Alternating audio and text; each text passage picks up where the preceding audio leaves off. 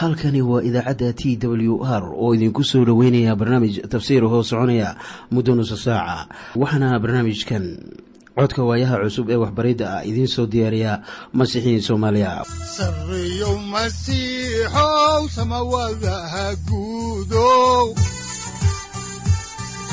siraadkii adduunkow subanaha eebow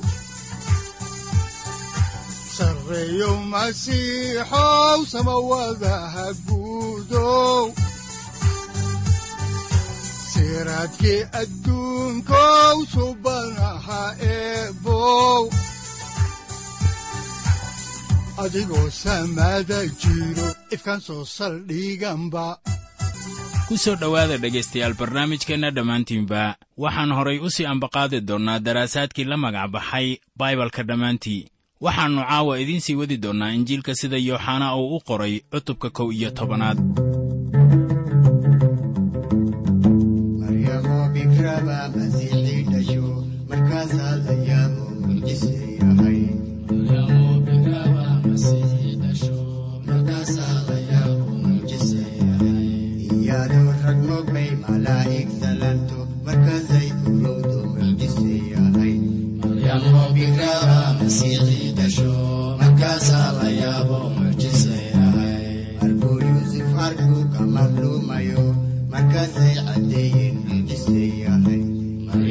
rabbigaba masiixidhasho halkaasaa layaabo mucjisay ahay dintii masiixa maqaawiir arkeenu markaasay cadeeyeen mucjisay ahay maryaamo bikraaba masiixii dhasho markaasaa layaabo mucjisay ahay boqorkii maqlay baan urugoodayo micnuhu layaabo mucjisay ahay maryaamo bikraaba masiixii dhasho markaasaa layaabo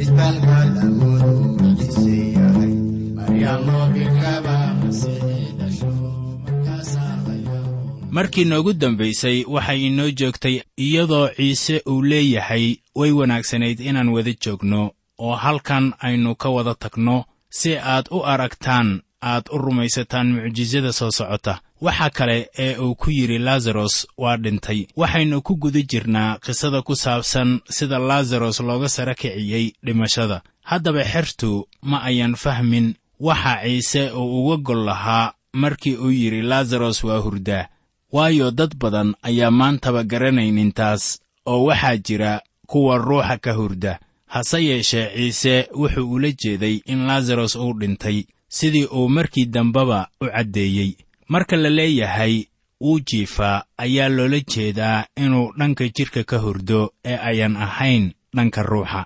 Waa dhab inay jirto hurdada xagga nolosha iyo tan dhimashada.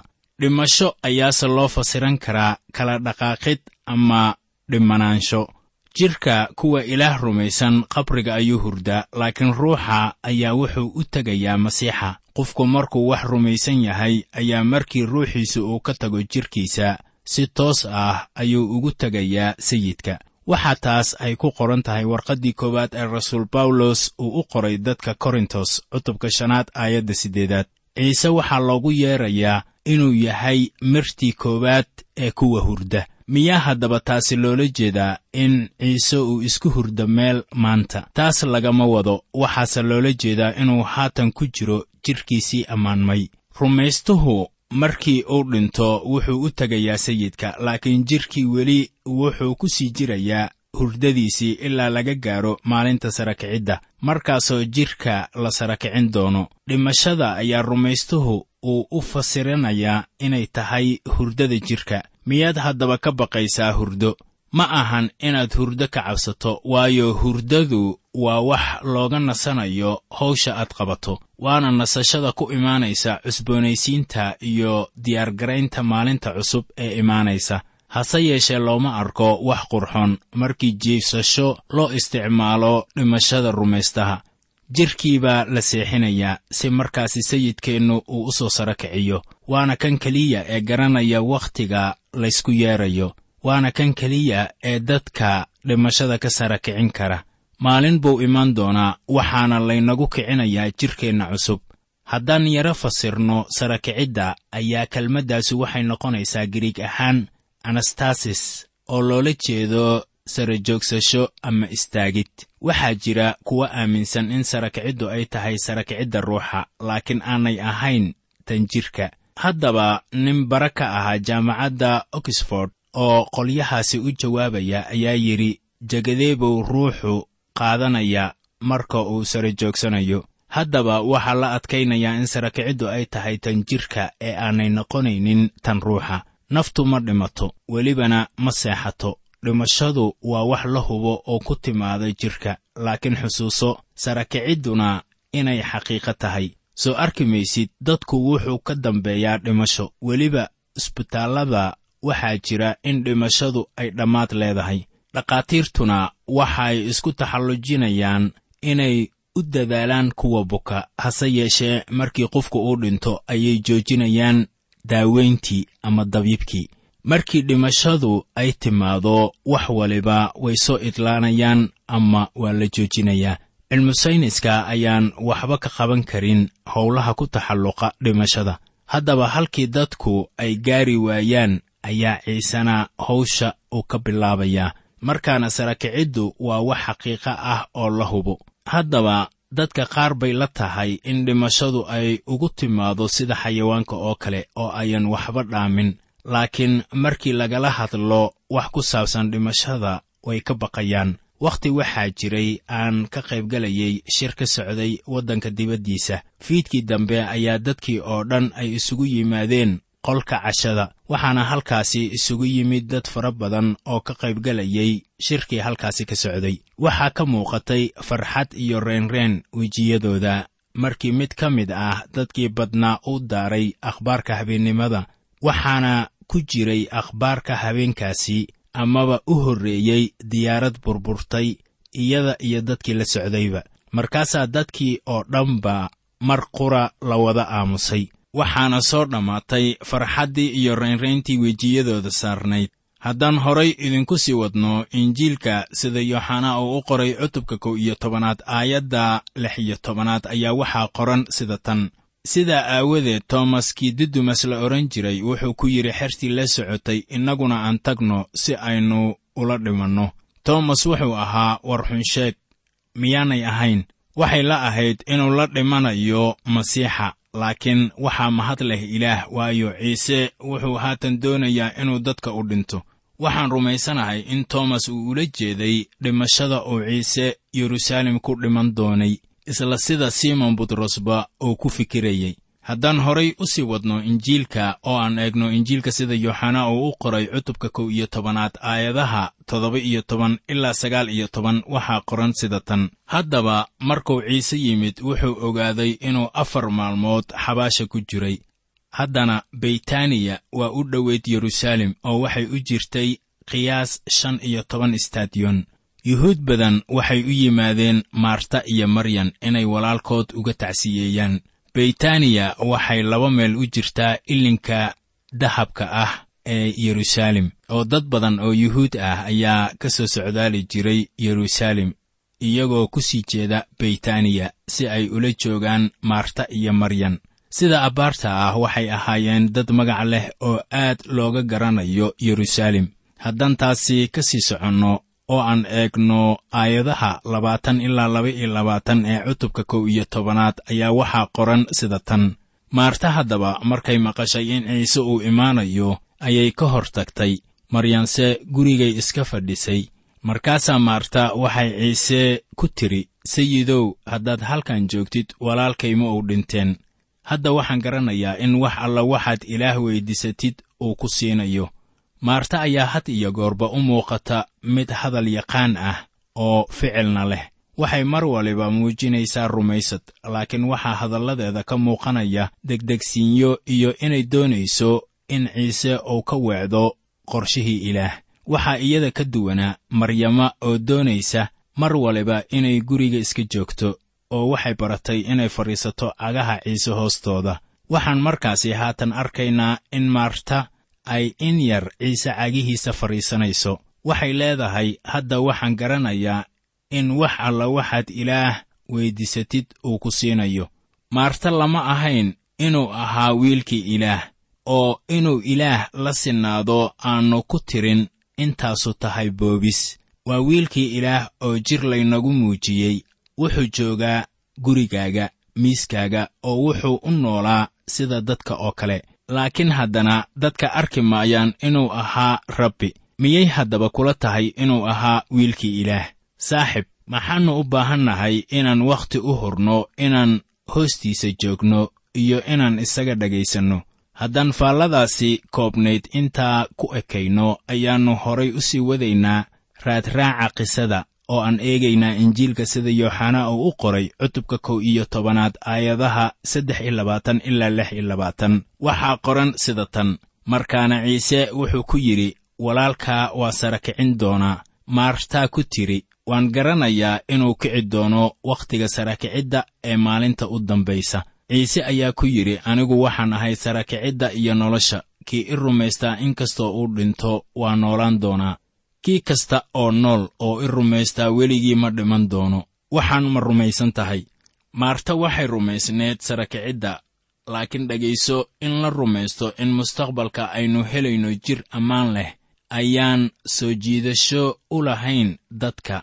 Marka aad barbar dhigto in rabbigu xoog cusub ina siinayo waxaa ka fudud in la rumeeyo in rabbigu imaanayo oo kuwa dhintayna la sara kicinayo oo aynu ilaah u noolaanayno mustaqbalka. Waana wax fudud in dadka lagu qalbi qaboojiyo marka ay qaraabadoodu dhimato.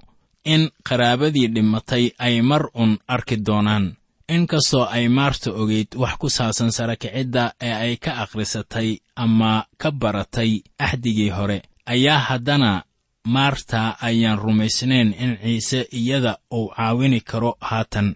Ciise wuxuu ku yidhi maarta miyaadan garanaynin inaan anigu ahay sarakicidda iyo nolosha haddaba haddii aynu niyadaheenna ku haysanno masiixa ayaannu helaynaa nolosha marka uu leeyahay kii kasta oo nool oo i rumaystaa in kastoo uu dhinto ayuu ula jeedaa xagga ruuxa in kastoo qofka uu ruux ahaan meed yahay haddana wuu soo noolaan doonaa haddana mustaqbalka ayuu eegayaa ciise marka uu leeyahay kii i rumaystaa weligii ma dhiman doono. Noloshu waxay ka bilaabanaysaa iminka qof aqbalaya badbaadiyaha.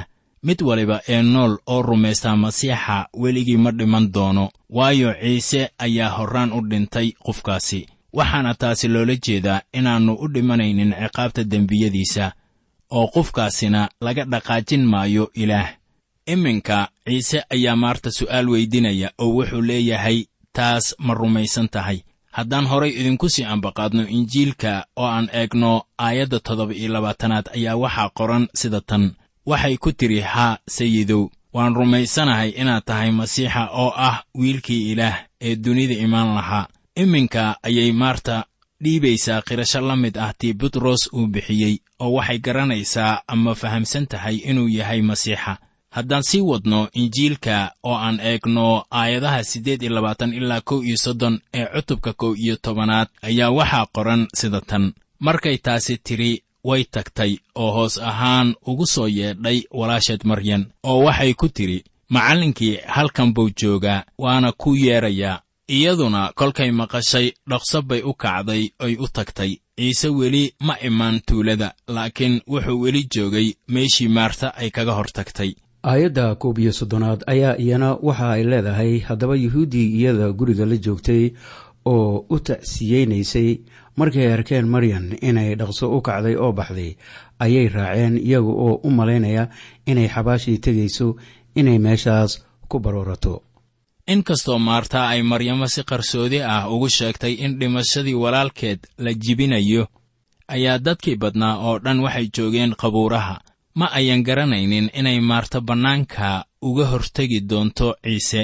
Haddaan horay idinku sii ambaqaadno injiilka sida yooxanaa uu u qoray cutubka kow iyo tobanaad aayadda laba iyo soddonaad ayaa waxaa qoran sida tan.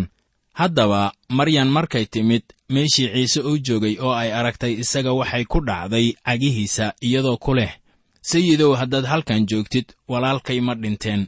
Marka ay sidaan leeyihiin ayaad mooddaa inay kicisay hadalladii ciise markii uu lahaa sida ku qoran injiilka sida yooxanaa uu u qoray cutubka lix iyo tobanaad aayadda toddobaad in kastoo aynaan weli gaarin waxaana qoran sida tan laakiin runta ayaan idiin sheegayaa waxaa idiin roon inaan tago haddaanan tegin gargaaruhu idinma imaan doono laakiin haddaan tago waan idiin soo diri doonaa.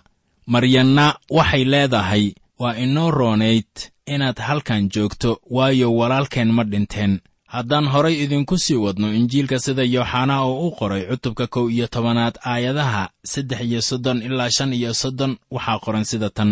Ciise haddaba markuu arkay iyadoo barooranaysa iyo yuhuuddii la socotay oo la barooranaysa ayuu ka qalbi xumaaday wuuna murgooday. Markaasuu yidhi xaggee baad dhigteen. Waxay ku yidhaahdeen sayidow kaalay oo arag ciise waa ooyey haddii aad doonayso inaad ogaato sidii ilaah uu dareemayo markii qof aad jeceshahay uu dhinto ayaa waxaa habboon inaad halkan eegto. Aad buu xagga ruuxa uga qoomamooday. Markaana dhimashadu waa wax naxdin leh waxaana xaqiiqo noqonaya inuu ku naxayo adiga. Wuxuu u naxayaa kuwa nool oo wuxuu garanayaa waxa uu u samaynayo kuwa dhintay. Waxaa qoran ciisena waa ooyey inkastoo injiilka yooxanaa uu ina tusayo ilaahnimada masiixa ayaannu haatan arkaynaa bini'aadannimadiisii wuxuu weliba weydinayaa halka laasaros la dhigay waayo toos uma imaan meeshuu ku xabaalnaa. Waxaanan halkaasi ka arkaynaa sida ilaah uu dareemo marka aynu joogno aaska dadka dhinta. Ilintiisa buu taayada ku darayaa oo waa nala ooynayaa ciise haatan waxaa iga caraysiinaya masiixiyiinta qaar kuwaasoo yidhaahda ma ahan inaan ku dhex oyno meelaha aasku uu ka socdo laakiin qofka waa inuu is adkeeyaa. Ha yeeshee waxaan leeyahay dhimashadu waa wax aad iyo aad u xun oo ciisena waa ilmeeyey. Haddaan horay idinku sii wadno injiilka sida yooxanaa uu u qoray cutubka kow iyo tobanaad aayadaha lix iyo soddon ilaa toddoba iyo soddon ayaa waxaa qoran sida tan sidaa daraaddeed yuhuuddu waxay yidhaahdeen bal eega siduu u jeclaa. Qaarkoodse waxay yidhaahdeen ninkan oo indhaha u furay kii indhaha la'aa miyuusan wax ka samayn karin inuusan ninkaasu dhiman. Waxaad mooddaa in yuhuuddu ay arrinka seegeen. Wixii uu u ooyey ma ahayn inuu laasaros jeclaa oo umana oynin ninkan dhintay.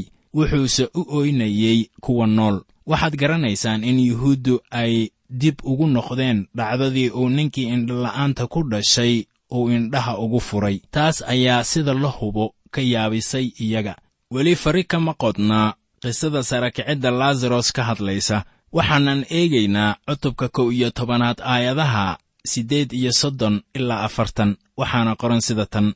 Sidaa daraaddeed ciise oo mar kale qalbi xumaaday ayaa xabaalihii yimid. Waxay ahayd god dhagax baana saarnaa. Ciise ayaa yidhi dhagaxa ka qaad maarta oo ahayd kii dhintay walaashiis waxay ku tidhi sayidow hadda waa urayaa waayo afar maalmood buu mootanaa ciise wuxuu ku yidhi miyaanan kugu odhan haddaad rumaysatid waxaad arki lahayd ammaanta ilaah. Haddaba maaddada ku saabsan dhimashada dad badan ayaan jecleen inay ka hadlaan. Kuwo badan baa damca inay dhimashada ka dhigaan dhacdo farxadeed laakiin aynu si la hubo u wajahno xaaladda oon daacad iskula jeexjeexno waana inaan garannaa inaynan dabooli karin dhimashada innagoo dhar wacan qofka u soo xidhayna amase ku wareejinayna ubaxyo. Laakiin waxaa sidaasi loo yeelaa in naxdinta lagu qariyo. Isku soo duuboo xaaladda dhimashada qof laga sara kiciyo waxay dalbanaysaa mucjiso bal aynu horay idinku sii ambaqaadno injiilka sida yooxanaa uu u qoray cutubka kow iyo tobanaad aayadaha kow iyo afartan ilaa laba iyo afartan waxaana qoran sida tan. Markaasay dhagaxii ka qaadeen ciisena indhihiisuu kor u taagay oo yidhi aabbow waan kugu mahadnaqayaa inaad i maqashay waana ogaa inaad mar kasta i maqasho laakiin dadkan badan oo hareerahayga taagan aawadood ayaan taasi u idhi inay rumaystaan inaad adigu isoo dirtay. Waxaad xusuusataa haddaba in waxa kan oo dhan loo yeelayo ammaanta ilaah ciise wuxuu ilaah u baryey si la maqli karo oo dadkuna ay ku ogaadaan in waxa uu samaynayo ka imaanayaan ama yihiin doonista aabbaha si aabbuhu uu ku ammaanmo. Wuxuu cod sare ku yidhi hadalladaasi baryada ah si ay kaga faa'iidaystaan kuwa isaga la joogay markaasi. Waxaa aayadaha saddex iyo afartan ilaa afar iyo afartan ee injiilka sida yooxanaa u qoray ay leeyihiin markuu sidaas ku hadlay dabadeed wuxuu ku dhawaaqay cod weyn. Wuxuu yidhi laasarosow soo bax. Markaasaa kii dhintay soo baxay isagoo gacmaha iyo cagaha ay kafan kaga xidhan tahay wejigana mare kaga xidhan tahay. Kolkaasuu ciise wuxuu ku yidhi iyaga fura oo daaya ha socdee. Waxaan idiin sheegayaa inay jireen kuwo badan oo uu ciise ka soo sara kiciyey dhimashada. In yar baase injiilada laynoogu sheegayaa.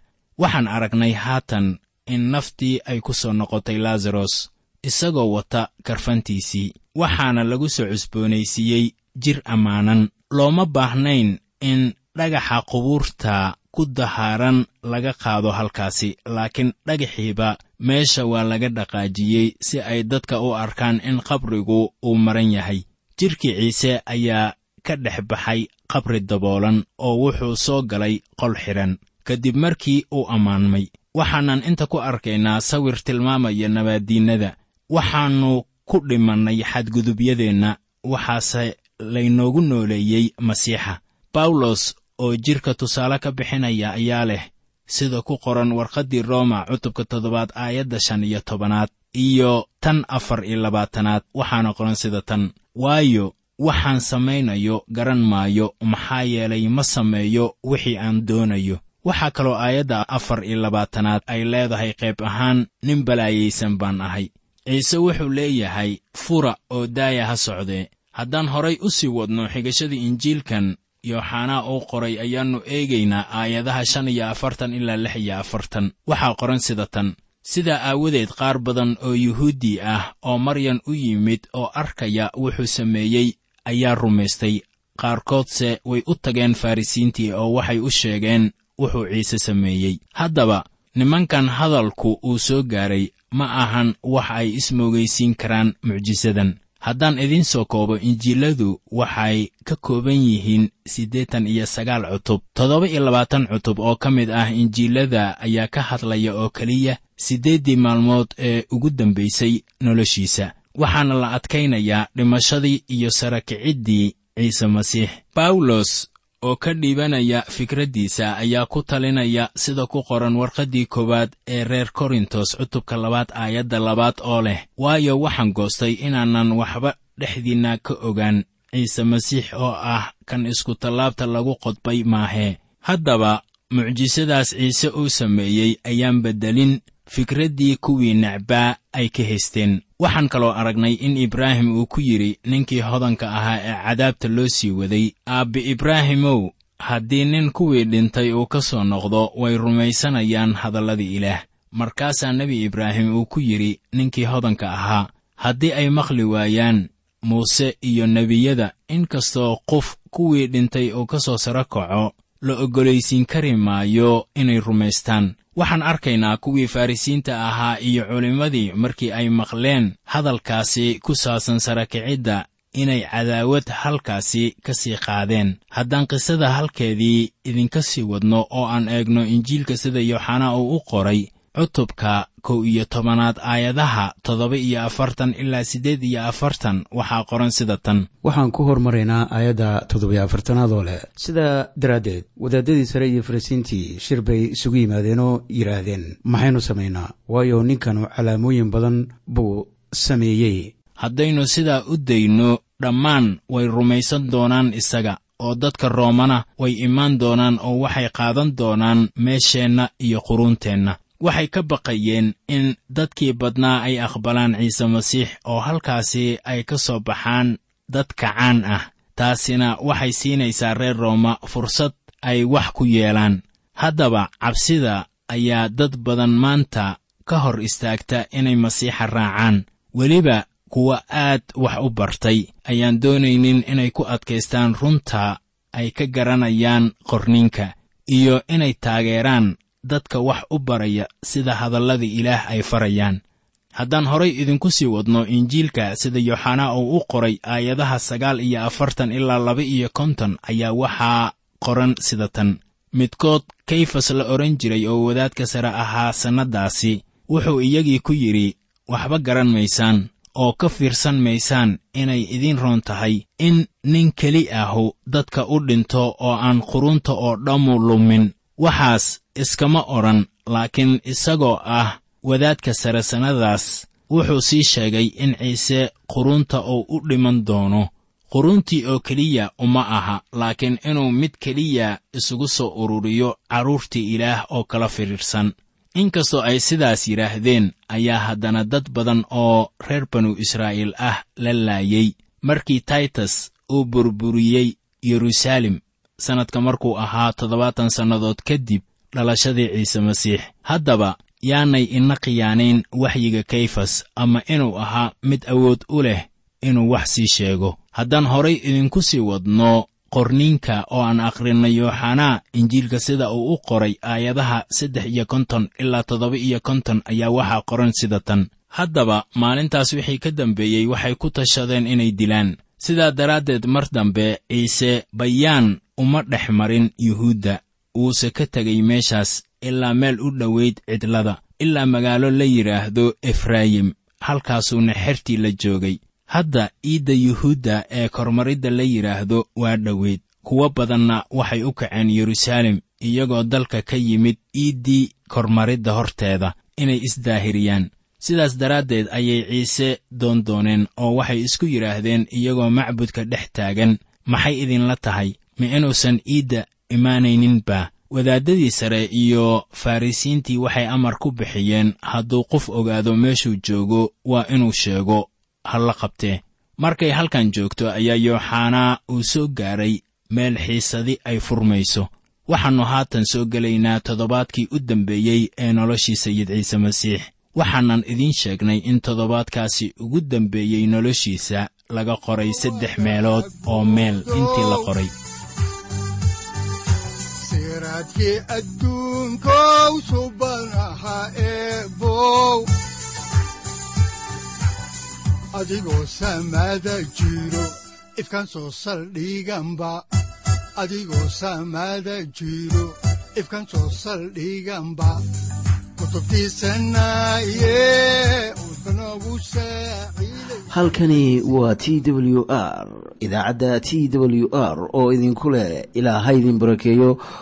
oo ha idinku anfaco wixii aad caawi ka maqasheen barnaamijka.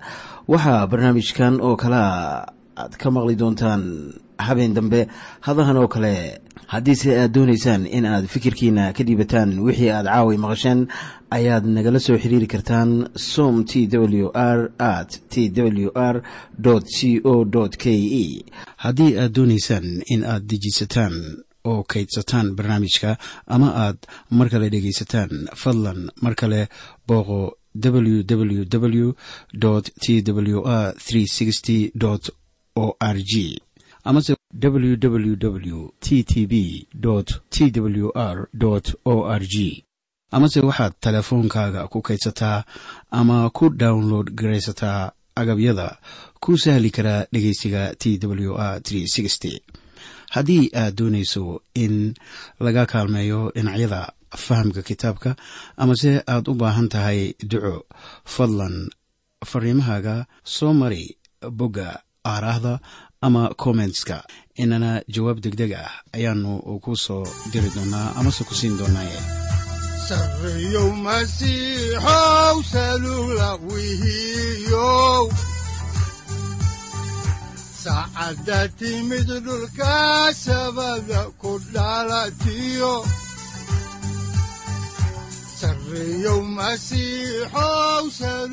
halkani waa t w r oo idiin rajaynaya habeen baraare iyo barwaaqaba leh inta aynu ka gaari doono wakhti aynu ku kulanno barnaamij la mida kan caawayay aad maqasheen. Waxa aan idinku leeyahay nabadda ciise masiix ha idinku badato xagga jidhka iyo ruuxaba aamiin